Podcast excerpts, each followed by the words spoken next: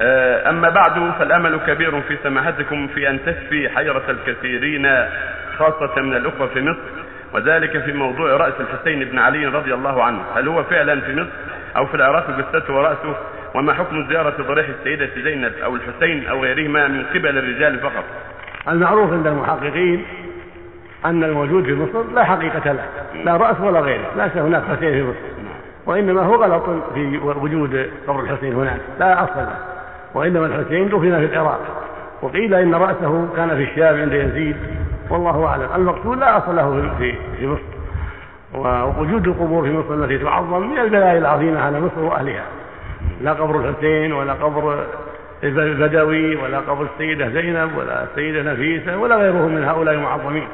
جروا على مصر شرا كثيرا بالغلو فيها ودعوتها من دون الله. والاستغاثة بها وطلبها المدد حتى وقع العامة في الشرك الأكبر نعوذ بالله. فالواجب على علماء مصر جميعا يعني علماء السنة علماء الحق الواجب عليهم أن يتقوا الله وأن يشمروا عن ساعد الجد وعن الرغبة فيما عند الله حتى يبصروا الناس يبصروا العامة بهذا الشرك الأكبر الذي يفعل عند القبور من الطواف عندها ودعائها والاستغاثة بها والتواتر عندنا أنه حتى صاحب التكسي إذا من وقف عند قبر يقول المدد المدد ثم يمشي. هذا مما بلغنا وتواتر عندنا.